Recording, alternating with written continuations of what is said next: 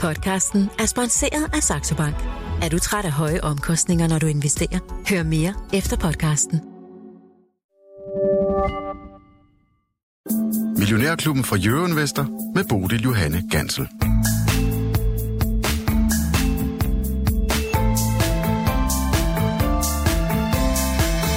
Børshjulet drejer igen her på en uh, mandag formiddag, hvor markedet netop er kommet i svingninger. Vi tager temperaturen på de første bevægelser her i løbet af de næste 55 minutter i Millionærklubben. Så kigger vi ellers mod øst efter gode og mulige investeringer. Kina og Sydøstasien er på programmet i dag, og det er det sammen med dagens panel. Lars Svendsen, godmorgen og velkommen Ja, til dig. godmorgen. Og uh, særlig velkommen til Peter Lundgren, Jamen, øh, tusind tak, Bodil. stifter og direktør af Lundgren til Capital. Og Peter, du har jo altså virkelig hånden på kogepladen, også derude i i Kinas Sydøstasien. Du er næsten lige kommet hjem fra, fra Filippinerne.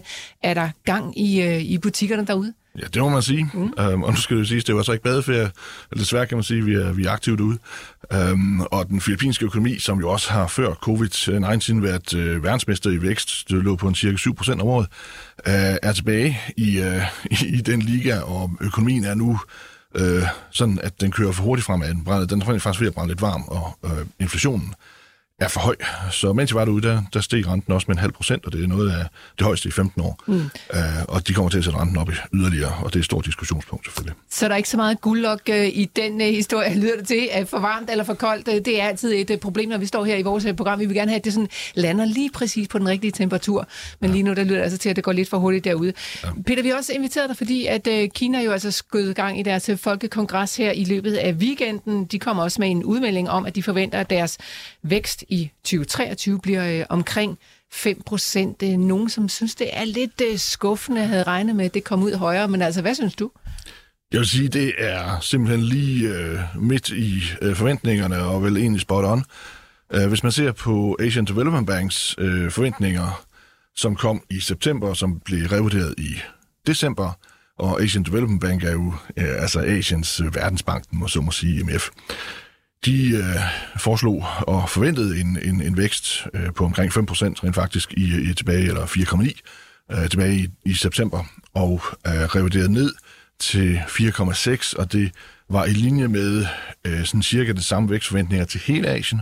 Altså 40 procent af verdens BNP er jo i Asien, og en, en, en vækstforventning nu øh, i år på cirka 4,6 procent, øh, som altså relativt generelt, og der ligger Kina også øh, generelt i den, øh, det vækstspektrum. Øh, kineserne selv, som sagt, som du sagde, forventer øh, 5%, omkring 5%, som de siger. Jeg tror i markedet, som sådan blandt økonomer i, skal vi sige, blandt private banker, store banker, er der nok en forventning om, at det må godt blive øh, 5,5, og det skyldes primært den øh, lave vækst sidste år, som blev på de 3 procent, og der så siger vi, at det giver nogle såkaldte basiseffekter, altså man kommer fra meget lav basis, og så er det lidt nemmere at slå vækstforventningerne. Mm. Så, så, så de 5 procent er, øh, jamen altså, det, det, det er sådan spot on. Har de tradition for at melde sådan en konservativt ud, for netop at kunne øh, overraske positivt? Jeg tror, jeg lærer en lille smule. Nu må sige, at der er jo gået en, en coronaperiode, om vi så må sige, hvor øh, mange ting er blevet revurderet, og hvor man øh, nok havde ambitiøse vækstmål tidligere, øh, som vi jo kender Kina for. Øh, og hvor man så sagde, okay, øh, hvis vi ikke helt kan få dem i den private sektor, så bygger vi nogle mere jernbaner og laver nogle, nogle offentlige infrastruktur øh, investeringer. Øh, Det er man gået en smule væk fra, og det vil sige, det er kun godt. Altså sund vækst er bedre, og så hellere den er lavere. Mm. De meldte også ud, at de vil øge forsvarsbudgettet med 7,2 procent. Arbejdsløsheden øh, skal ligge omkring 5,5 procent i byerne i hvert fald, og der skal skabes øh, 12 millioner nye job. Mm. Og så har de altså et øh, inflationsmål på 3 procent, Peter, og det er jo noget, vi går rigtig meget op i i vores program. Inflationen hele kloden rundt. Ja. Hvordan lyder det 3 procent inflationsmål? Jamen, øh, øh, kineserne har jo, hvad skal man sige, øh, styret inflationen ret godt, ja. hvis vi må udtrykke det på den måde. Og det har de jo gjort ved at være væsentligt mere hardcore i øh, det, der foregår omkring coronanedlukningerne. Hvor vi i Vesten jo lider under, at politikerne lukkede produktionskapacitet ned under coronakrisen, men fastholdt husholdningernes øh, købekraft ved jo at kompensere for øh, løntab som førte til den problem, vi, øh, det problem, vi har nu med for høj inflation, der var for høj efterspørgsel, øh, det stod på, det, hvis nogen havde læst en, en tekstbog omkring inflation, så ville de kunne se det på side 1. Ikke? Hvis man øh, sænker output, man fastholder købekraften, så stiger inflationen. I Kina er det noget mere hardcore. Folk mister deres job, hvis en fabrik bliver lukket ned, og der er ikke nødvendigvis så meget at hente i, i, i, i kompensation. Så den økonomi er jo bare meget mere liberal, end det vi er vant til i Vesten. Og derfor så øhm, mindsker man jo også efterspørgselen, når man sænker output. Øh, og det er det, som vi vil synes er ret hardcore.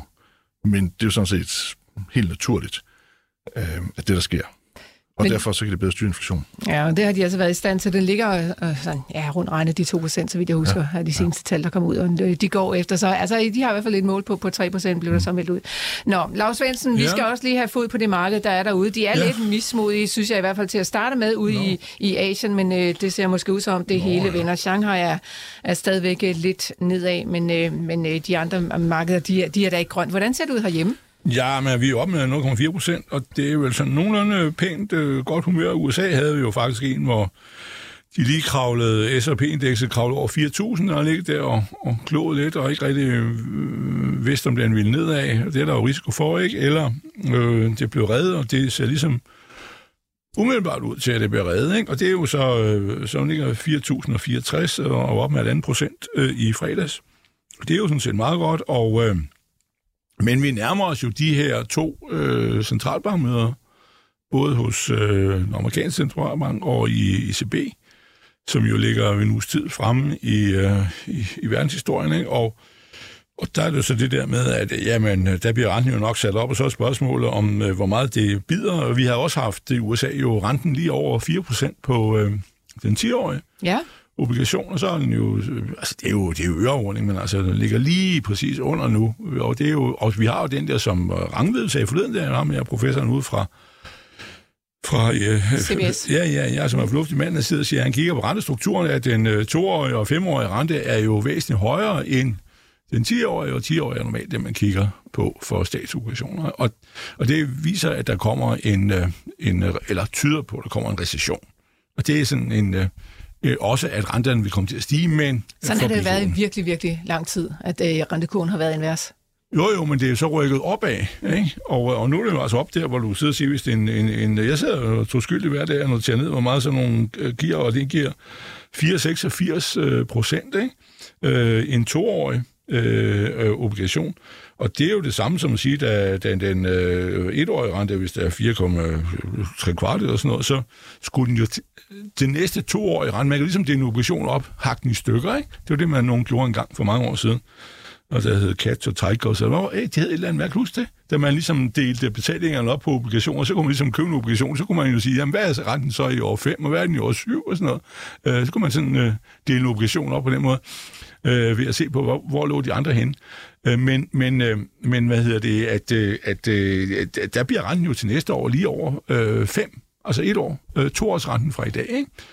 Og det øh, er jo lidt det, du skal øh, øh, tage, tage bestik af. Så jo, jo, altså rentestramningen vil øh, øh, fortsætte, og det må vi jo lige tage hensyn til, men det er jo ikke... Øh, altså voldsomt. Det er bare, at øh, altså folk i vores dag er unge mennesker, og alle de der, der sidder som... Øh, kommer og kører ind på en cykel, ikke? Og, og, og skal dirigere rundt med milliarder, ikke? At de er jo ikke vant til det der endnu, også nogle gamle tosser som Peter og jeg. Vi har jo set renter, der har kostet øh, to cifre, øh, og så videre, ikke? Men altså, det, det der, de så, uh, det er helt forfærdeligt. Men den renten strammer, ja. Ja, øh, og spørgsmålet er, og jeg der ved godt, du siger, Lars Svendsen, vi plejer at kalde det et, øh, en indikator på, at der kommer recession, ja. når rentekurven er invers. Men spørgsmålet ja. er, om det også er sådan den her gang. Jeg ved godt, ja, at vi, vi altid står og snakker om, sådan er det, er det anderledes den her gang, og det er ja, det måske ikke, men ikke desto mindre, så kommer jo, altså vi har debatteret det rigtig, rigtig meget, ja. den der recession, og den bliver hele tiden ved med at blive skudt længere og længere ud. Nej, jeg tror mere, man taler den ned. Hvis du kigger på, hvad der sker ude i samfundet, så er det jo, fordi vi har det her balladepunkt mellem, at du har en hel masse øh, øh, serviceerhverv, sådan noget, der kører øh, godt, og vi har offentlig beskæftigelse ud over alle grænser og alt det der. Men du har også, at øh, tingene rykker nedad. Ikke? Altså, de piller kranerne ned. Nu er der vist to tilbage ude i Frihavnen. Ikke? Da det var højst, var der 23. Det sidder jo og... og nå, men det er det, og det er jo dels også... Kranindeks. Jo, men det er ja. også udtryk for, at nogle af tingene, opgaven bliver fuldført og sådan noget. Det er jo klart. Mm. Men, men der kommer jo så bare ikke nogen nye til. Det er, det er jo det, du kan, kan læse af det. Ikke? Mm. Og, og, øh, Og, og, og der, der, det er altså ved at gå ned. Du kan se, hvor meget uh, DFDS lever rundt på uh, NTG, DSV, øh, AP Møller, ikke? Altså, hvis du kigger på de der reelle mængder af varer og flow, så er der nogle reguleringer, hvad ved jeg, men det skal vi tænke til. Men der er altså, op, ikke? Det er, og du sidder lige her til morgen og fortæller mig, hvad jeg er glad for at høre, at øh, en af de store containerier, der hedder CMA, CGM, nede fra, fra Frankrig, hvor der er en dansker, der er overboss, at øh, han har jo også måttet ud og fortælle, at fjerde kvartal var øh, betydeligt lavere aktiviteter, men han sidder og siger, efter det kinesiske nytår overstået, det er det jo, så begynder det at gå lidt bedre. Men han siger ikke, det går brølende bedre. Nej det, Nej, det hørte jeg i hvert fald heller ikke. Regnskabet var ude altså fredag aften. Ja. Nå, men ellers er det en uge, øh, Lars Svendsen og uh, Peter Lundgren, hvor uh, Joe Biden han forventer sig at fremlægge sit udspil til USA's budget. Det er mm. altså interessant at se, hvordan de kommer til at håndtere det gigantiske statsunderskud, som der er derovre. Og selvfølgelig også, om der kommer nye, ja, nye muligheder i forhold til virksomhedsskat og, og skat på, på de formuende amerikanere. Det er i hvert fald noget af det, der mm. kommer til at komme i spil. Mm. Så er The International International Atomic Energy Agency Board of Governors, de mødes i Wien, så der kommer måske også nogle interessante udmeldinger derfra, og ellers så får vi altså også en række nøgletal, som jeg er sikker på, at øh, markedsdeltagerne vil holde øje med. Non-farm payrolls i hvert fald på fredag, der kommer selvfølgelig også et ADP-tal på onsdag, sådan uh, traditionen tro, der kommer også en uh, Job Openings and Labor Turnover Survey, som kommer fra USA, også i løbet af ugen, og så får vi altså også inflationstal fra Danmark, det er sidst på ugen. Regnskabsfronten, der er ikke det helt store, men Lars Svendsen måske stadigvæk mm. nogle selskaber, som du vil holde øje med. NTG, som du lige ja. nævnte, kommer med regnskab. Ja. Scandinavian Tobacco Group. Mm. Sea Limited, øh, som øh, Mads Christiansen har talt rigtig meget med, om, øh, kommer i, med regnskab også i løbet af ugen. Er det et rederi? Nej, oh. det er det ikke. Hello Fresh, Adidas, Baidu, øh, drikkerværk, som, øh, ja, som du kigger på, på Lars Svendsen. Ja, ja. Er den, er den, den er ikke så, der, jo, det er så den, godt. og det er, fordi den falder ind i det, men det er jo så ligesom det næste, øh, vi kan satse på. Noget, som Persson har stået for om, jeg tror, det er rigtigt, det er jo, at en af de ting, når verden bliver bedre, det er jo medicoindustrien, ikke farma, den er, er jo meget god allerede, men medicoudstyr, altså også på koloplast og sådan nogle, ligger ambu og høreapparater, at der ligger han jo også, han laver jo de her, øh, alt muligt til åndedræt, og derunder så respirator. Men han fik solgt så meget i 21 at to, øh, de ryddede hylderne, at to, med corona, det der 20 og 21, at 22 har faktisk været et dårligt år for ham, og det har han også sagt, men til gengæld øh, har de jo så lovet, at 23 vil blive meget godt, og det er en af de aktier, jeg skal ud og købe røven ud af bukserne i. Når jeg skal til at have frigivet penge for alvor af, af, af de her øh, rædderier, så skal jeg købe meget, og jeg fuldstændig rent også i det der, en anden nede i Tyskland er jo Fresenius, øh, så bliver det nok den der Medical, øh, hedder en partner eller sådan noget, som laver udstyr til dialyse, mm-hmm. øh, og klinikker, der, eller sådan nogle, øh, hvor du kan komme ind og få klaret det. Men, øh, men, men altså nogle af de der, og så også de danske, jamen jeg tror, at det er rigtigt, at Medico-ting, fordi de har jo været snublet og forsinket, og alle offentlige institutioner har sparet, og de har ikke haft brug for reservedele, og alle, altså antallet af gennemstrømningen antal øh, øh, øh, ting og sager, de operationer og hvad de gjorde, er jo faldet. Men det skal jo i gang igen. Mm. Og det er, jeg tror, det er rigtigt. Medico bliver en af vinderne på vej op. Du ligger på spring, kan jeg høre, ja. Lars Svendsen, og således fik vi altså sat scenen for denne uge i Finans. Der kommer til at ske rigtig mange spændende ting, som altid, og vi følger op på det hele her i Millionærklubben, når vi sender alle dage mellem 9 og 10. Men altså i dag, der skal det altså handle specifikt om Kina og Sydøstasien, og hvis du har spørgsmål til lige præcis det, så er du velkommen til at skrive ind til mig. Nummeret er som altid 42 42 03 2021. Du skal bare huske at starte din besked med Mio. Ja, Peter Lundgren, øh, lad os øh, hoppe i den der boks, som handler om, øh, om Kina og Sydøstasien, og måske særligt Kina, som jo i den grad også har været i vælten her på det seneste geopolitisk. Der sker en masse ting ude i verden, og det kommer selvfølgelig også til at påvirke aktierne. Lars Svendsen, han har stået et stykke tid og sagt, at han, han, han tror på det. Han tror simpelthen på Kina. Han tror, at man skal hoppe ind ja, der, og, og, og han kommer nok til at gøre det via en ETF, fordi det kan jo være svært at finde de specifikke aktier.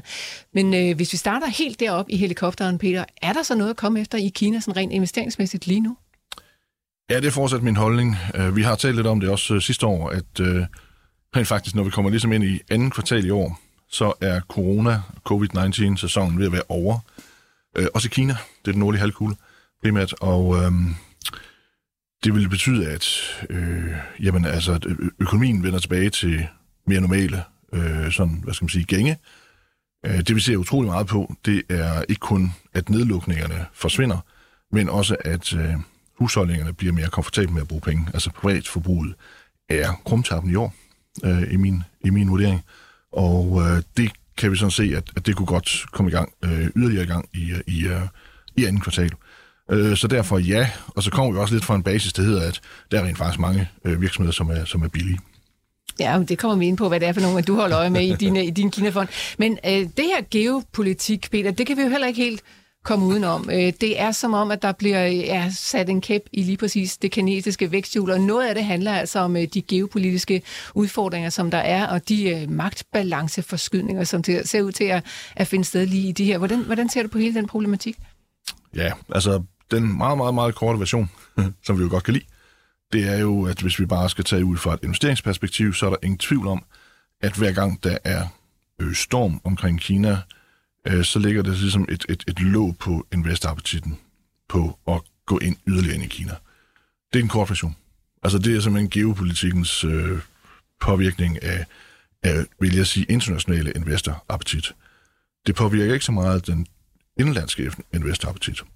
Men, men, men det er jo den, øh, det er jo den, det er den korte version. Og, og det er ikke, fordi jeg har noget, øh, hvad skal man sige, jeg har ikke nogen øh, berøringsangst med at tale om nogen som helst af alle de mange øh, diskussionspunkter, der er omkring Kina. Uh, vi skal selvfølgelig bare passe på, at altså, det, kan, det, det, det kan vi bruge hele dagen på. Det gør ikke noget. Vi har i hvert fald 55 minutter her i dag. ja, det er dejligt. um, så, så der, og der er jo, altså, det er jo sindssygt spændende også. Altså, det, det, det, det er det jo virkelig. Uh, og jeg tror, der er nok en sætning, som jeg jo uh, gerne plejer at også sige hver eneste gang, jeg er og det er der trods alt igennem nogle år, at, at politisk magt, eller undskyld, økonomisk magt i dag, det er politisk magt i morgen. Mm. Og det er ikke noget nyt. Det har, det har været sådan igennem århundreder at sådan er det jo naturligvis. Dem, der har den økonomiske magt, de tager også politisk magt. Og det er jo så, øh, det der så øh, sker lige nu, øh, det er sket gennem lang tid. Øh, jeg har også gennem mange år haft mange samtaler, også med øh, EU-politikere, der overhovedet ikke har set det komme. De har ikke fattet, hvad der sker. Øhm, og amerikanerne har nok, da Trump tiltrådte, øh, øh, øh altså virkelig indset, at de havde ikke selv nogen politik. Øh, de havde ikke nogen industripolitik for USA. Kina havde meget, meget, meget stærk politik. Men faktisk kopi af den øh, tyske øh, idé om, hvad der skulle være fremtidens industripolitik i Tyskland, og den var udtænkt af Angela Merkel. Hun gjorde bare noget ved den. Kineserne så den og sagde, at den er brilliant, det gør vi. Øhm, og, og alle de mange skridt og tiltag, hvor øh, Vesten har sovet, øh, det hopper sig lige pludselig op og sker til en, en meget, meget hurtig udvikling. Og vi, det, det er jo gigantiske tandhjul, der drejer. Og når de første kommet i gang med at dreje, så får man jo ikke bare stoppet. Øh, så ja, der, der, er, der er utrolig meget at tage fat på i, i, i, den, øh, i den diskussion, og man skal altså huske, at da Trump øh, tiltrådte, en ting, det var, at han begyndte relativt hurtigt at, at indlede en handelskrig mod Kina, Øh, men han trak jo også USA ud af alle mulige former for samarbejdsaftaler med alle asiatiske lande og, øh, hvad skal man sige, handelsaftaler. Øh, og det overlevede jo hele Asien til Kina. Øh, og, altså det, gør, det, det, det, det er jo klart, altså enhver vil, enhver stormagt, øh, Kina er en supermagt sammen med USA, ikke? de går ind, altså hvis der er ledet plads et eller andet sted, rent politisk og opportunistisk, ja, så tager de jo den plads. Mm. Og det er noget, det vi ser, der er sket. Og øh, den politiske magt, øh, som jo altså, øh, du taler om der, Peter, der er jo altså også et øh, helt aktuelt øh, tilfælde i forhold til krigen i Ukraine, og mm. den øh, plads, som Kina sådan forsøger at stille sig på. Øh, kan det gøre, at de lige pludselig kommer op og får en eller anden form for ja, hvad skal vi kalde det, anerkendelse, hvis de, får, øh, hvis de er, er bidrag til at løse den konflikt? Altså, hvis de, hvis de reelt bidrager til at løse konflikten, så tror jeg, det vil løse anerkendelse, ja. Mm. Øhm, det får vi så se, om de gør. nu Hvad tror du? Uh, uh, det kommer meget ind på... Um, uh, der tror jeg, de er ret opportunistiske. Um, hvis, man, hvis, man, hvis Vesten siger, okay, vi, vi skal søge en alternativ samtalekanal ind til Kreml, så kunne det godt være, at man prøver at aktivere kineserne og sige, okay, kan vi, kan vi prøve noget sammen? Det ved jeg ikke, om det sker. Øhm, men man kan sige, at, at øh, altså, specielt Trump har jo øh, ligesom trængt Kina væk fra Vesten. Øh, også meget via den retorik, som, som, som i kinesisk øjesyn bare er øh, ikke acceptabel. Altså det, det er lidt nedværdigende rent faktisk. Øhm, og, og, og dermed så genovervejer Kina selvfølgelig også sin situation. Øh, og det, man gør med at have et meget, meget svækket Rusland nu, og Rusland vil være svækket i årtier fremad, det er helt fantastisk set ud fra Kinas perspektiv, fordi øh, de har altid frygtet et stærkt Rusland. Og nu er Rusland der, hvor Kina godt kan lide, at Rusland skal være. Mm. Det er fuldstændig rigtigt. Ja. Rusland er Kinas reelle fjende. Eller sagt på den måde, at det er det sted, at Kina en dag skal ekspandere. Det er der, øh, Rusland har jo enorme reserver af alle mulige ting, og det er helt minimalt med, hvad det får ind af naturgas fra Rusland. De får noget fra at Uzbekistan, hvor det går fra, men, men hvad hedder det, at det, det er der, den er. Og derfor er det jo... Øh, øh det, altså, men det er jo så, hvis du tænker 50 år frem, ikke? Altså, Men... hvis kineserne skal, skal brede sig, så er det jo egentlig Sibirien. Det er jo ikke øh, Europa og Vietnam. Så, hvad hedder det? Altså, på den måde er det, det er lidt sjovt, for, og derfor er det jo også Putin. Han er jo lillebror i dag til Kina. Ja, men i en verden, hvor at øh, det ser ud som om, at øh, grænserne bliver trukket hårdere og hårdere op, sådan hvis vi kigger på sådan helt globalt, hvor det ser ud som om, at flere og flere grænser bliver lukket meget mere hermetisk, Peter, giver det så stadigvæk mening herover fra vestens side at investere ind i for eksempel Kina? Jamen, jeg ser jo på, øh, på verden øh, rent økonomisk, og, og hvor investeringsmulighederne er. Øh, og sådan, sådan er det altid gjort. Man kan så sige, at de sidste 20 år, der øh, har politikere øh, gjort meget for at institutionalisere, altså øh, gør, bruge mange ting for at øge deres magt rent faktisk, i stedet for bare at skabe rammer. Øh, og det er meget bekymrende, det gælder også i Vesten.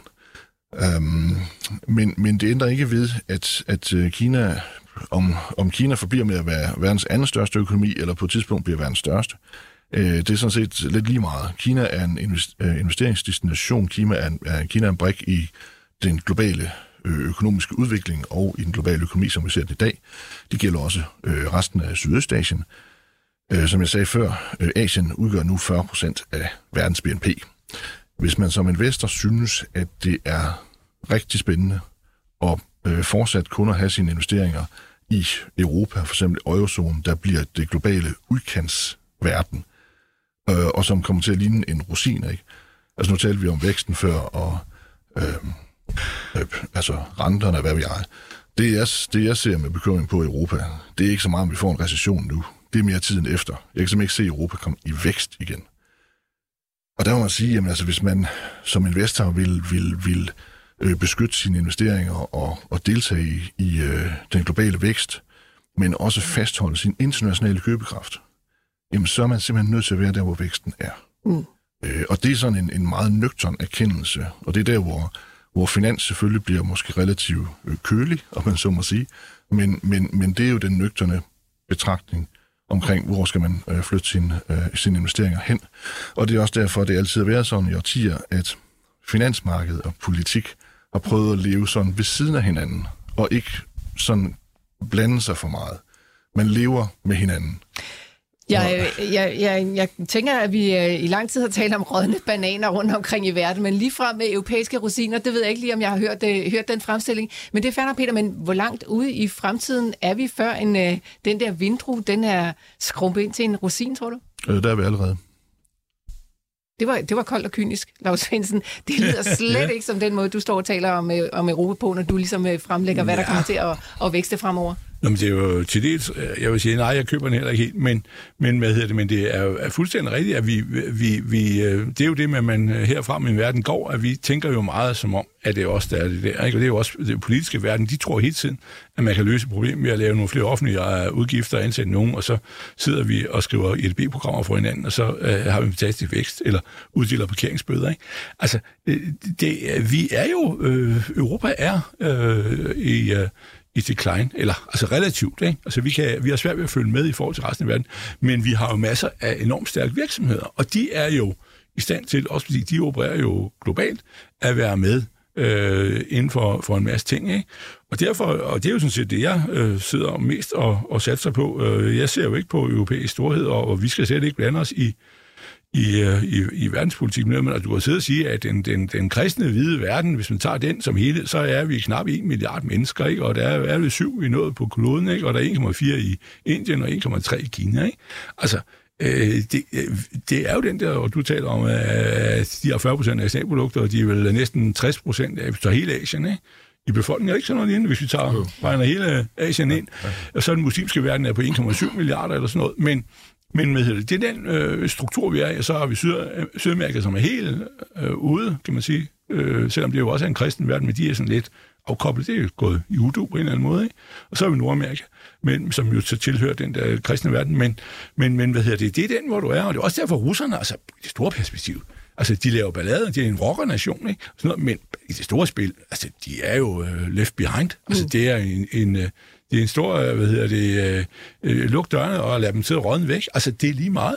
Øh, øh, så, så, der, så, det er korrekt, det, sner, det der. Men, det er ude i Asien. Jo, men balladen er jo det, at vi har stadigvæk det der med teknologi, og så er det jo, når teknologi bliver politiseret, Altså, du kan se alle de her nu, jeg har ikke forstand på alt det der, men TikTok og de der, der laver mærkelige mobiltelefoner og lige om larm og alt det der, altså, altså, så kan man jo smide dem ud, fordi man sidder og siger, at vi tør slet ikke have nogle af jeres produkter, fordi I har øh, spion øh, software i dem og sender alle øh, meddelelser til. Peter Lundgren, til, øh, ser du det Kina, som en, øh, en Men, reel trussel for investeringer ude i Sydøstasien, at der bliver lavet så mange restriktioner, og for eksempel sådan noget som TikTok, som Lars Svendsen er inde på, det nu lige pludselig bliver forbudt øh, mange steder i, i vores del af verden?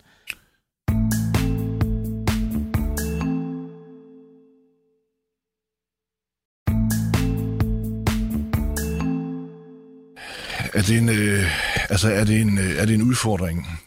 Ja, fordi vi kommer lidt tilbage til det her filter, jeg talte om før. Øhm, øh, specielt, altså, og, og den der sådan geopolitiske storm mod, mod, øh, mod Kina og kinesiske virksomheder, som jeg, jeg skal jo ikke forsvare Kina, det er ikke derfor, jeg er her i dag. Jeg skal øh, knap nok for, forklare, jeg fortæller øh, mit syn på, ja, hvordan vi agerer. Øhm, så det er ret vigtigt. Altså, så det er ikke nogen, nogen øh, en eller anden øh, som Kina-forsvarstale på nogen måde. Øhm, men men øh, det der filter, der hele tiden øh, sådan ligesom kommer i form af, af, af stormvejr omkring øh, kinesiske ting, øh, ja, det, er en, øh, det, det, det afholder folk fra at investere. Så kan man sige, er der nogle ting, man skal undgå at investere i? Hvad synes man selv? Jamen, øh, vi undgår også at investere i en hel masse ting, men det er fordi, vi for eksempel ikke synes, man skal investere i kulproduktion og hvad vi jeg. Og det gør vi heller ikke i Kina. Øhm, og TikTok, altså, det, er jo en, det er jo en helt fantastisk øh, diskussion. Øh, selv er jeg ikke på TikTok. Øh, jeg er i det hele taget personligt overhovedet ikke på nogen... Jeg skal se dig lave en lille dansevideo. ja, ja, ja, det kunne vi gøre. Jeg er i det hele taget, altså personligt er jeg på, på LinkedIn, og det gør jeg af professionelle øh, årsager. Mit firma og jeg som, som, som CEO for min virksomhed er på Facebook. Personligt er jeg ikke på nogen sociale medier overhovedet. Øh, jeg kan se, hvad jeg skal bruge det til. Jeg gider ikke. Øhm, og øh, øh, så, så jeg synes, derfor synes jeg også personligt, at det er helt fantastisk godt, hvis folk overvejer, hvordan de deler deres data om sig selv. Altså, det er bare almindelig sund fornuft. Det ja, men, men, ja. må jeg jo godt lige spørge dig, hvis, men, øh, mens vi er tema her, fordi det er jo lidt underligt, at vi har haft hele den der periode, hvor der var outsourcing og samarbejde og alt muligt andet. Og jeg ved ikke, Apples telefoner bliver lavet i Kina, og jeg ved ikke hvad. Ja. Og så lige pludselig, så går der politik i lortet. Og så sidder man og siger, jamen nu opdager de jo, nu øh, alt kommer derover fra, og hvad vil jeg? Og så siger nej, det vil vi ikke have, det er forbudt, og du skal flytte produktionen hjem og sådan noget. Altså, det er jo en mærkelig form for, for øh, politisk indgreb Er det ikke bare sådan, at verden udvikler sig hver eneste gang, at vi står foran en ny store kvantespring, Lars Svendsen, så løber kvantespringene mm. foran, og så lige pludselig så finder vi ud af, hov, der er sket et eller andet nyt her, nu må vi lige uh, lave nogle regler og lov og prøve at finde ud af, hvordan vi regulerer os igennem det. Og så kommer ligesom bølge 2, hvor at uh, tingene så udvikler sig. Jo, men der er der selvfølgelig et pendul, der kører frem og tilbage, men det er bare lidt ekstremt, at det er gået så meget Øh, og nu øh, sidder de, og så øh, en eller anden kommunalbestyrelse, og TikTok, når de siger på Christiansborg, så må I også byde Taler det. Taler de sådan, Lars Så må I Brønderslev Kommune. Op. Altså, hold nu kæft. Lad os vende tilbage til, øh, altså, til Kina og ja. muligheden for at investere der. Øh, Peter Lundgren, for det er jo lige præcis noget, du gør med, øh, blandt andet med din, din Kina-fond. Hvordan er det egentlig gået med den Kina-fond afkastmæssigt? Øh, jamen, i år er vi oppe med 8% lige nu, okay. og det er Jamen, det er sådan cirka i linje med markedet, ikke? Ja. Øhm, øh, vi ligger jo som regel øh, godt, også 2022 var vi det bedste i Danmark, og hvis man tager samlet, øh, hvad var det, 20, 21, 22, så er vi også det bedste, vi er også det billigste. Uh, så det er selvfølgelig tilfredsstillende, og vi har også vores øh, fem øh, stjerner i Morningstar, som der kun er øh, seks kapitalforældre i hele verden, der har. Så, så vi er udmærket tilfredse. Så, så lad os øh, blive lidt i temaer, og hvad man øh, måske kan kigge på, hvis man selv er interesseret i at gå ud og investere i Kina eller Sydøstasien. Og jeg ved, Peter, nu taler vi lige præcis om de her tech-udviklingsting, og mm. ja, måske den her rosin-historie om, at i Europa, der er vi ikke sådan helt så hurtigt til lige præcis øh, den slags. Hvad er det, de sådan hvad er det, de kan derude, og hvad skal man sådan særligt holde øje med af temaer, eller, eller sådan brancher eller sektorer? Ja, altså hvis øh, nu du siger, hvad de kan derude, Øh, vi, jeg tror, vi har tid nok til, at vi vil godt lige på den, at, at tage lidt helikopterperspektiv på det der, og yes. det er, øh, fordi der, der sker nogle, øh, altså nogle sindssygt spændende ting. Og ting bevæger sig bare meget hurtigt. Altså det, det er, og vi kan ikke bevæge, øh, forestille os, hvor hurtigt ting bevæger sig. Hvis man har lyst og man virkelig sådan synes, at øh, nu selvom foråret på vej, ikke? men, men uh, nu her i den her kommende weekend, hvor der formentlig stadigvæk ligger en halv meter sne eller sådan noget, uh, så synes jeg, at hvis man virkelig synes, at, at det her det er spændende, uh, den sidste uh, halvårsrapport for Asian Development Bank, ADP, den indeholder en særlig tema uh, artikelserie, eller et afsnit på en 50-60 sider, omkring uh, uh, entrepreneurship i Asien, der får et så stort spark fremad nu på grund af digitaliseringen, at det er en, i sig selv en af årsagerne til, at de mener, at den asiatiske vækst forbliver høj i lang tid. Og det er en, øh, så man sige, det godt nok kommer godt nok fra en lav basis, ikke? at igennem øh, coronatiden, øh, jamen, øh, der var der også i Asien rigtig mange virksomheder, som var nødt til at gå over til at, at, at, at blive meget øh, stærkere online, ikke? altså online salg, delivery services, alt muligt mærkeligt. Så det vil sige, at man egentlig ved at konkludere, at de, de virksomheder, der havde en hjemmeside, havde en meget større overlevelseschance i løbet af coronatiden. Og så vil sige, jamen okay, og så står vi og siger, at det er helt fantastisk, at der er vi jo langt foran Europa. Ja, men det har bare givet det spark, der hedder, at den øh, IT- og softwareudvikling, der nu begynder at rulle fremad, øh, øh, øh, og, og, og sådan den, den øh, almene digitalisering i økonomien, i øh, også Sydøstasien, bare er så meget stærkere, og det har så meget fart på, at det er nok til at skabe rigtig meget vækst. Og det entrepreneurship eller iværksætteri, der sker i Asien nu, Sydøstasien måske, i udpræget grad, det har en anden karakter. Øh, og for nu også at korte det sådan øh, lidt, lidt hårdt og sige, jamen, rigtig meget iværksætteri i den del, altså det er jo tredje verdensland, ikke, har måske været at kunne overleve. Altså at bage noget brød derhjemme og stille sig ned på gaden og sælge det. Det har været øh, meget iværksætteri, også i tredjeverdenslande i Sydøstasien, op til, op til nu. Men nu begynder øh, husholdningerne at være så kapitaliseret, at det iværksætteri, der er nu, det er folk, der har lidt penge, de har, øh, de har opsparing, de har idéer. Det vil sige, det er en helt anden basis. Det er idéer, der bliver udviklet og får lov at vækste. Det er en helt anden øh, øh, vækstsituation, og det giver et helt andet drive i økonomien. Det er sådan set for at give et helikopterperspektiv, og det er øh, rigtig, rigtig godt beskrevet i de der 50-60 sider, hvis man synes, man vil læse det. adb.org hedder hjemmesiden, ja. hvis man vinder og finde ja, den rapport der. Helt, helt fantastisk. Øhm, og, det for, det, og det er bare for at beskrive lidt om, øhm, hvordan, hvordan er øh, sådan udviklingen, og hvad er der plads til, og der er plads til det. Det er ikke så nemt at grundlægge virksomheder i mange sydøstasiatiske lande. Altså det ease of doing business er stadigvæk svært, ikke? Øhm, i Danmark er det jo, tager det jo kun 24 timer at etablere et APS eller sådan noget, ikke? Men vi har så det problem, at jeg sammenligner lidt med som at blive gift i Las Vegas. Altså, der kan man køre ind og blive gift på to minutter, og man kan sågar få Elvis Presley til at, at få at varestå det, ikke? Men bagefter, så kommer alle problemerne. Altså, så er det bare meget hårdt at drive øh, virksomhed i Danmark, øh, på grund af sindssygt mange regler og der er det bare så meget nemmere i mange andre lande. Mm. Men bortset fra den der lille øh, detalje, og sådan ser vi også lidt, at Kina øh, hos os ser vi jo ikke som et tredje verdensland mere. Altså vi ser det ikke engang som emerging markets. Det er simpelthen en, en, en selvstændig investeringsdestination i øh, Asien.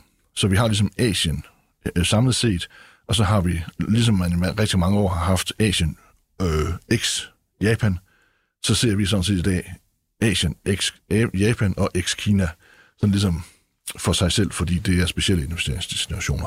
Men hvis vi tager Kina, så er det øh, stadigvæk vi er tilbage på sporet, hvor det hedder, at cirka 10% af befolkningen anser sig selv som værende i gang med et eller andet. De anser sig selv som værende en slags iværksættere, entreprenører. Og prøv at tænke på, hvis vi havde cirka 550.000-600.000 danskere, der anså sig selv som være iværksættere. Det ville brumme helt vildt her i Danmark mm. af økonomisk aktivitet. Og det er det billede, man skal forestille sig. Øhm, ja. Og er der så særlige områder, hvor det går, øh, går hurtigt, øh, specielt hurtigt, fordi at, øh, ja, det er jo nemt nok at tænke sådan, jamen det er nok noget med teknologi, og vi skal bare købe nogle tech-aktier eller et eller andet. Ja. Jeg tænker, der, altså det er jo Altså, det er jo ja. meget bred paraply at spænde ud over det hele. Ja. Så hvor ja. inde i det der teknologiudviklingsfelt øh, skal vi, skal vi særligt holde øje? Ja, um, altså selvfølgelig, når, når, når folk er iværksættere, det gælder også Danmark, ikke? Altså det, det at etablere en frisørforretning i Danmark er meget respektabelt og det er øh, lige så fint iværksætteri som alt muligt andet. Øh, det gælder også i Kina, Sydøstasien og i USA eller andre steder. Ikke? Øh, så selvfølgelig er der rigtig meget af det. Øh, folk har alle mulige idéer. Øh, de, de omsætter nogen, de øh, øh handler med øh, brugt tøj og hvad pokker vi er. Øh, alle har en anden idé, som de prøver at omsætte. Øh, og så kan vi så sige, jamen, øh, det, det er lidt mere begæret tech, som du selv henviser til. Øh, ja, øh, kan man være med der? Ikke? Det er selvfølgelig, man kan, man kan skalere forretningen op uendeligt. Det er drømmen, og, og man bliver lynhurtig, lynhurtig milliardær, og, og, og så har man klaret den. Det er der selvfølgelig rigtig, rigtig gode forudsætninger for i USA og i Kina som det eneste sted i verden. Mm. Øh, vi kender alle sammen Silicon Valley i USA. Øh, vi kender Øh, nogen kender øh, sådan, hvad skal man sige, den halve Silicon Valley, som, som sådan rent faktisk er et byområde i Kina, eller i Beijing, øh, Øh, som har en størrelse på cirka halvdelen af Silicon Valley i USA. Hvis man spørger kineserne, så er den cirka samme størrelse. Det er den ikke. Øh, men er sådan en halv, men det er også ret meget. Men øh, den nye Silicon Valley for Artificial Intelligence, det er i Shenzhen. Og, øh, og det, altså, det er Shenzhen, som jo så er blevet til det kæmpe store område, der hedder Greater Bay Area. Og det Greater Bay Area, det inkluderer også øh, Hongkong, og det inkluderer, by the way, også sådan, øh, Macau, hvis man sådan skal underholde sig lidt. Men, men Shenzhen er rent faktisk drivkraften, og, og Shenzhen er også officielt blevet øh, udnævnt, om man så må sige, eller udvalgt til at være hovedbyen i Greater Bay Area. Altså Hongkong er allerede blevet noget, der er koblet på i øh, sådan et level 2 og det er jo interessant, hvis man påtænker på, hvor Hongkong har været, ikke? og hvilken mm. status Hongkong har haft, og, og, og Hongkongs historie. Øhm, og der foregår der rigtig, rigtig meget. Øh, og det, det øh, når du sådan spørger lidt ind til det, og siger, jamen, altså, hvad for nogle, øh, skal vi snakke det, sektorer, så, så, så har jeg sådan ligesom to sektorer, vi sådan overvejer lige i tiden. Øh, og lad os så, så starte med øh, tech-AI-sektoren. Altså kunstig intelligens. Ja, altså ja. Det, det som øh, det, det vi sådan øh, øh, nok vil kalde øh, generative AI, øh, Web3 og Meta. Øh, og det er sådan ligesom alle sammen afretter af hinanden. Altså kunstig intelligens er jo, er jo alt muligt mærkeligt. Hvad er generative det er, kunstig intelligens? Ja, det er sådan meget, øh, øh, når vi øh, skriver... Det er sådan, et eksempel er, at den der nye algoritme, der kan skrive øh, alt muligt. Ikke? ChatGPT. Ja, som, ja, som kan skrive hjemmeopgaverne, og som egentlig vel kunne erstatte manuskriptet for i dag, og sådan noget, ikke? Og næste gang kan du bare... Det må du ikke sige til nu. Nej, det er altså tekst Men, og foto og video og den slags, som man bruger øh, det til. Ja. ja. Øhm, og det, det, altså det, jeg bruger tiden på, det er at sige, at øh, altså det bliver selvfølgelig omsat til et eller andet, og det kommer til at få en effekt ind i tech-vejen. Øh, Men bliver det for eksempel en megatrend, og det, jeg kigger rigtig, rigtig meget på, det er, om metaverse bliver en megatrend. Og metaverse, det er jo det, som øh, Mark Zuckerberg og Facebook, altså Meta, selvfølgelig beskæftiger sig meget med, øh, og er lidt øh, krumtarmen lige i tiden, ikke? Og det øh, skiller jo meget til, hvad der foregår der, og der er meget øh, stærke og forskellige vurderinger af, hvad der egentlig foregår inde bagved hos øh, Facebook eller Meta omkring deres øh, investeringer ind i Metaverse. Men altså Metaverse, det er der, hvor vi ultimativt, øh, nu har jeg lige reklameret med, at jeg er ikke på de sociale medier, jeg skal ikke sige vi, men man, jo ultimativt, i stedet for bare at, at, at være medlem i sociale medier på en eller anden måde, jamen så er man simpelthen, øh, så går man rundt som sig selv ind, i, på de sociale medier, altså som en tro kopi af sig selv som avatar, og øh, man kan mødes der mm. øh, i det virtuelle rum. Øh, jeg kunne godt se, at det kunne blive fremtiden. Lige, lige nu er, altså, er der måske lidt længere end, end, øh, end, end, øh, derhen, end vi tror. Øh, ja, for hvis man lytter til Mark Zuckerberg og Meta-selskabet, så lyder du ikke som om, de helt er nået så langt, eller har altså Nej. fundet de vise sten endnu. Øhm. Nej, og, og der er jo alt lige fra, at hvis man har de der briller på, ikke, så bliver folk søsyge, og jeg ved ikke hvad.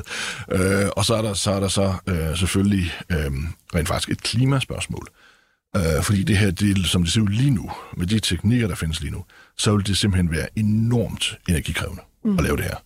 Øh, og det vil være en enorm øh, energibelastning for verden. Og vi kan jo sige, øh, har vi absolut behov for det? Nej, det har vi ikke. Øh, så spørgsmålet er, om det bliver sådan en, en, en, en ting inden for øh, gamingindustrien, og hvis det gør det, så er det veldig spændende, og så vil der være nogle IT-aktier inden for gamingindustrien, som, som kommer til at, at virkelig øh, stige enormt.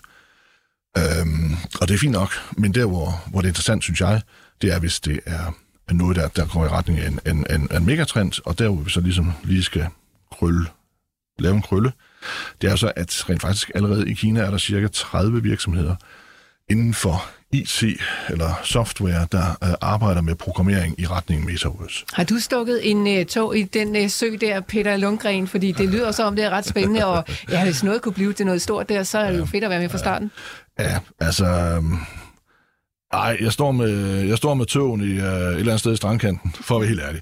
Og, og det har noget at gøre med, at, at, jeg, at det er de der meget store skridt, vi stadigvæk ser på. Altså, bliver det egentlig til noget? Og det gør det måske nok en dag. Og spørgsmålet er så, er det om 10, eller om 20 år, eller er det om 5 år? Ikke? Øhm, jeg vil ikke, øh, helst ikke, øh, og det er ikke fordi, jeg sådan er kort kedelig, men jeg synes, det vil være forkert at pege på nogle øh, selskaber, fordi vi bruger ikke tid nok på at gå ned i de enkelte selskaber endnu. Mm-hmm. Altså det gør vi ikke. Vi bruger tid på at finde ud af, er det her overhovedet en retning, som øh, vi skal tro på. Øh, men nonetheless, hvis der er nogen derude, der siger, jamen det her det er en retning, man skal tro på, så, øh, så er historien egentlig, at øh, medmindre man kan, man kan investere ind i nogle ikke-noterede virksomheder, og det kan man sikkert, eller man kan finde nogle meget early, øh, tidlige fonde derude, øh, seed capital fonde, som kun er agile i den slags ting. Øh, det kan man sikkert også finde.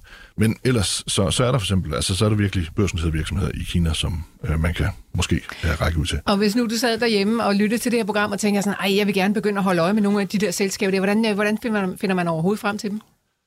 Øh, Google? ja, der starter, man jo, der starter man jo altid. Okay. Ja, der starter man jo altid, men øh, ah, der findes jo der findes forskellige research på forskellige måder. Øh, det, det, det gør der. Øh, men der, der skal man virkelig, vil jeg sige, sætte sig hen og, og, og bruge tid på det. Men nonetheless, det er noget, jeg kan se, der kunne være en, en megatrend. Okay. Den anden øh, trend, hvis vi lige sådan skal se på det, det er, den er sådan noget mere tilgængelig. Uh, det er, at uh, uh, ejendomsudviklerne i Kina har været igennem en hård tid i to-tre år, og der er rigtig mange, der har uh, ikke kunne betale deres gæld øh, de begynder at komme lidt tilbage i kampen, og der er også ved at være åbnet op for øh, billigere øh, finansieringsmuligheder og bedre adgang til, til finansieringsmuligheder.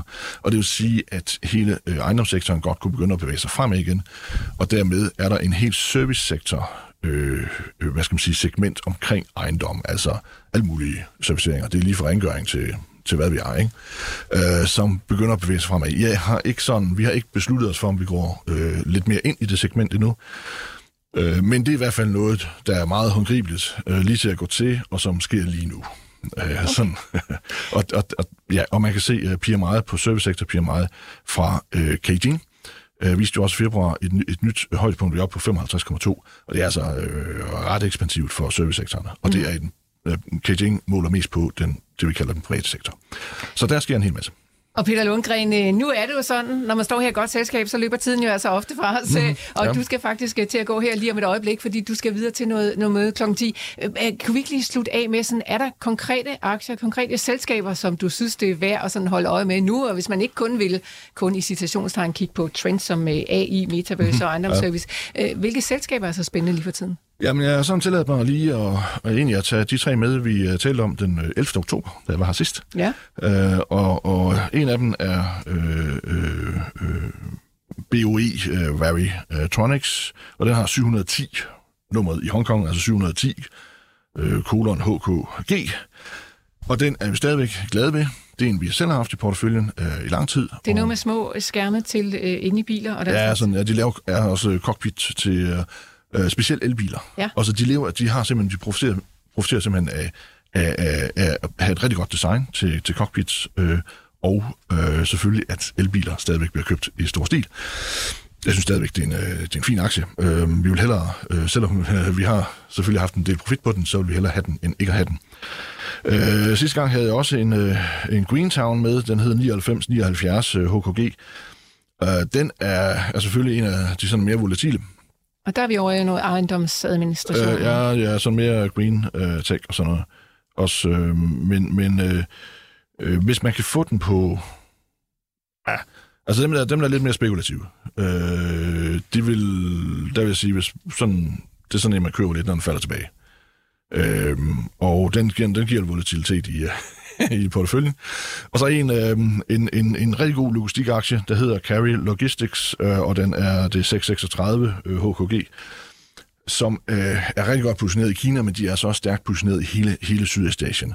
Og det vil sige, den øh, stigende øh, handel, der nu kommer til at ske de næste 2-3 år, øh, der er det min vurdering, at, at, at øh, der er man altså godt med, øh, hvis man ligesom hopper på der igen.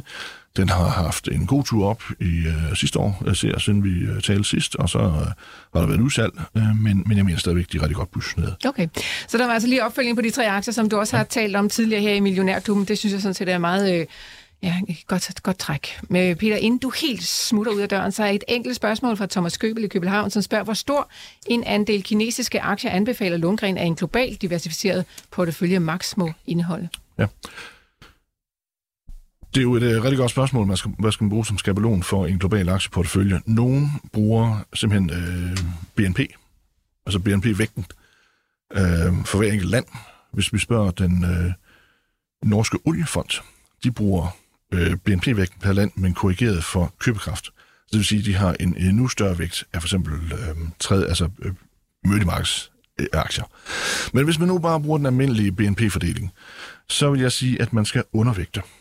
Øh, og det, vil, det lyder mærkeligt at tale om Kina, men der er forskellige risici i Kina. Der er også en governance-risiko. Det er alle de der øh, ting, vi oplever en gang imellem. Så bliver der lige pludselig jagtet nogle selskaber eller nogle sektorer, hvor kinesiske regering er meget øh, hårdere, end man er i Vesten.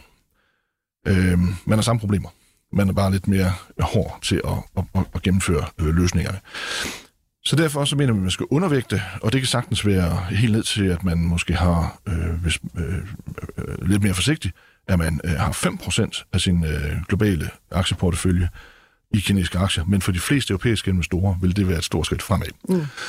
Øh, og selvom kinesiske aktier de svinger mere, så har det en øh, porteføljeeffekt, fordi de svinger ikke nødvendigvis som øh, vestlige aktier. Så, så, så, så selvom de har en højere volatilitet, så kan man ikke være så bange for det. Okay. Og hvad er BNP-vægten af Kina, cirka?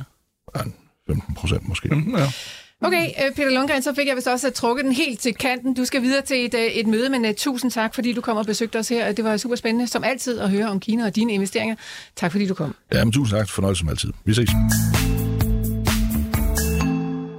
Lars Svendsen, så er det ja. dig og mig de sidste 8 ja. minutter, og lytterne, som uh, sender uh, gode spørgsmål ind her på sms'en 42 42 03 21 og starter beskeden med Mio, så lander den nemlig lige her hos os.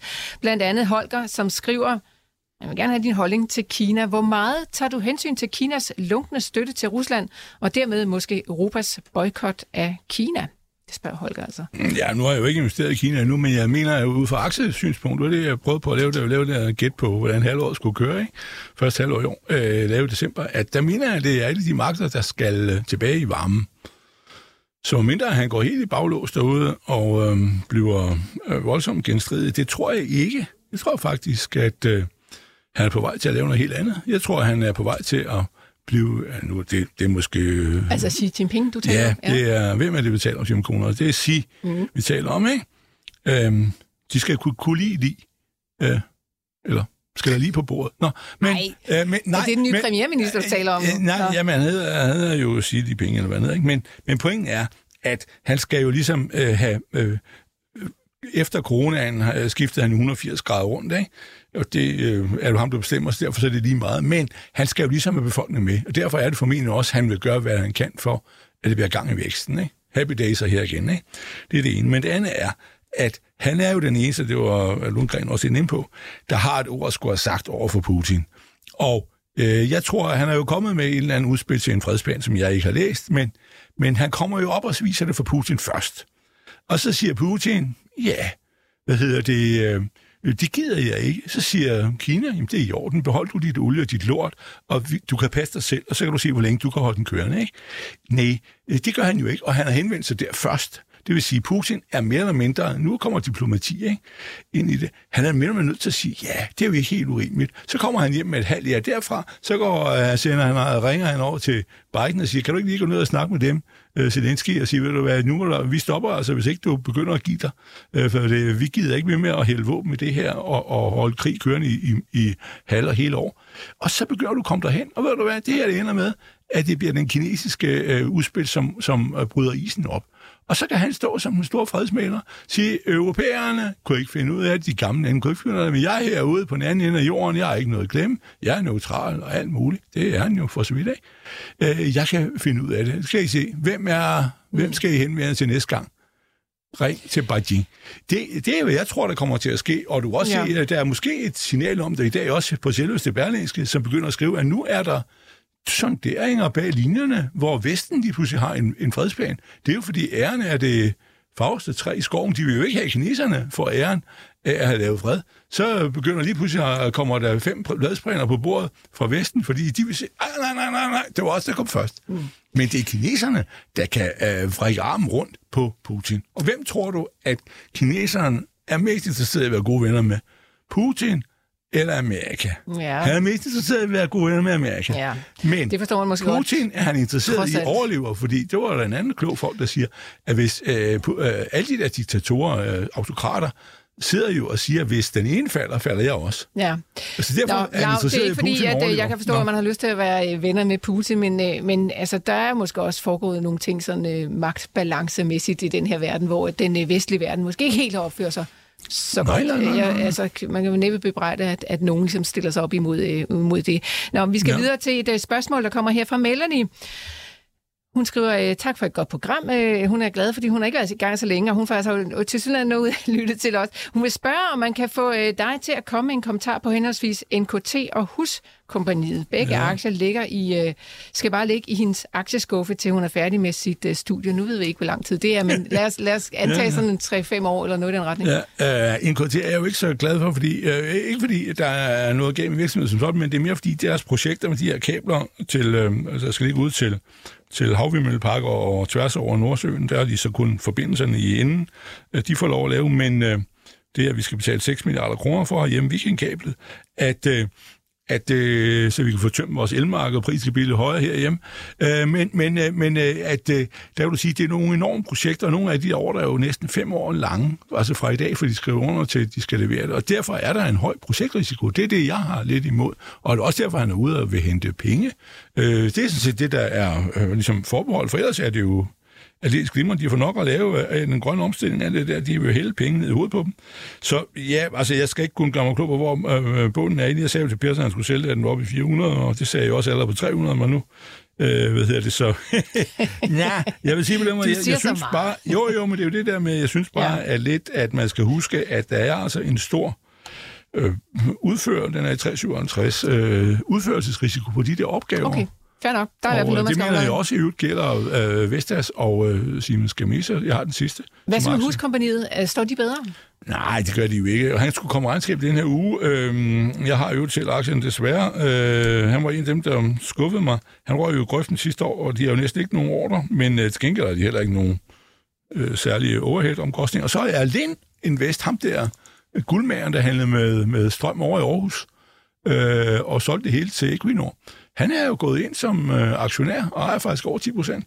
Og det er jo lidt interessant at, at holde øje med den øh, vinkel, men, men nej, du, der er lidt langt hjem, så når øh, renterne, hvis renterne begynder at falde igen, og der kommer gang i det så skulle han nok være der igen, men, men øh, ja, jeg tror, han slipper levende igennem det og så videre for forretningen til at køre, men det er altså, der er dvale. Du, så vil jeg hellere have håb så, Ja. hvis du endelig skal være sådan noget øh, byggeri der. Ja. Jeg har Jord, begge aktier, men, Okay. ja, ja, ja, men altså øh, en ham her, fordi det er, de er jo blevet øh, kommet i klemme i møllen der. det er Ja, altså, så desværre. Melanie, jeg hører altså Lars Svendsen sige, at det ja, er ja, langt hjem. lidt, ja, der er lidt langt hjem. Det kan være, du skal Men finde aktien har været nede i 40, nu er den i 49. Ja. Så den øh, har sandsynligvis klaret bunden. Der kommer regnskab den uge, Ja. tror jeg. Den der, ja. Øh, det kigger vi på, når det Ja. lander. Lars Svendsen, øh, det kører lidt sidelæns derude på øh, det danske aktiemarked, ser det ud til, vi er op Ja, med det øh, 0,4 procent. Øh, FL Schmidt, er i Christian Hansen. 318. Ej, du er så Wow. god. Sådan, Lars Svendsen. Du hjerner hen over alle de andre ja. investorer i klubben. Endnu en gang. Tillykke med det. Tak for det. Vi sætter et punktum her og øh, vender selvfølgelig tilbage igen i morgen. Tak, Lars Svendsen, fordi du var med mig i studiet. Tak til Peter Lundgren fra Lundgrens Capital, der var med, og tak til Louis Feigenberg, der stod for teknikken i dag. Vi er tilbage igen i morgen.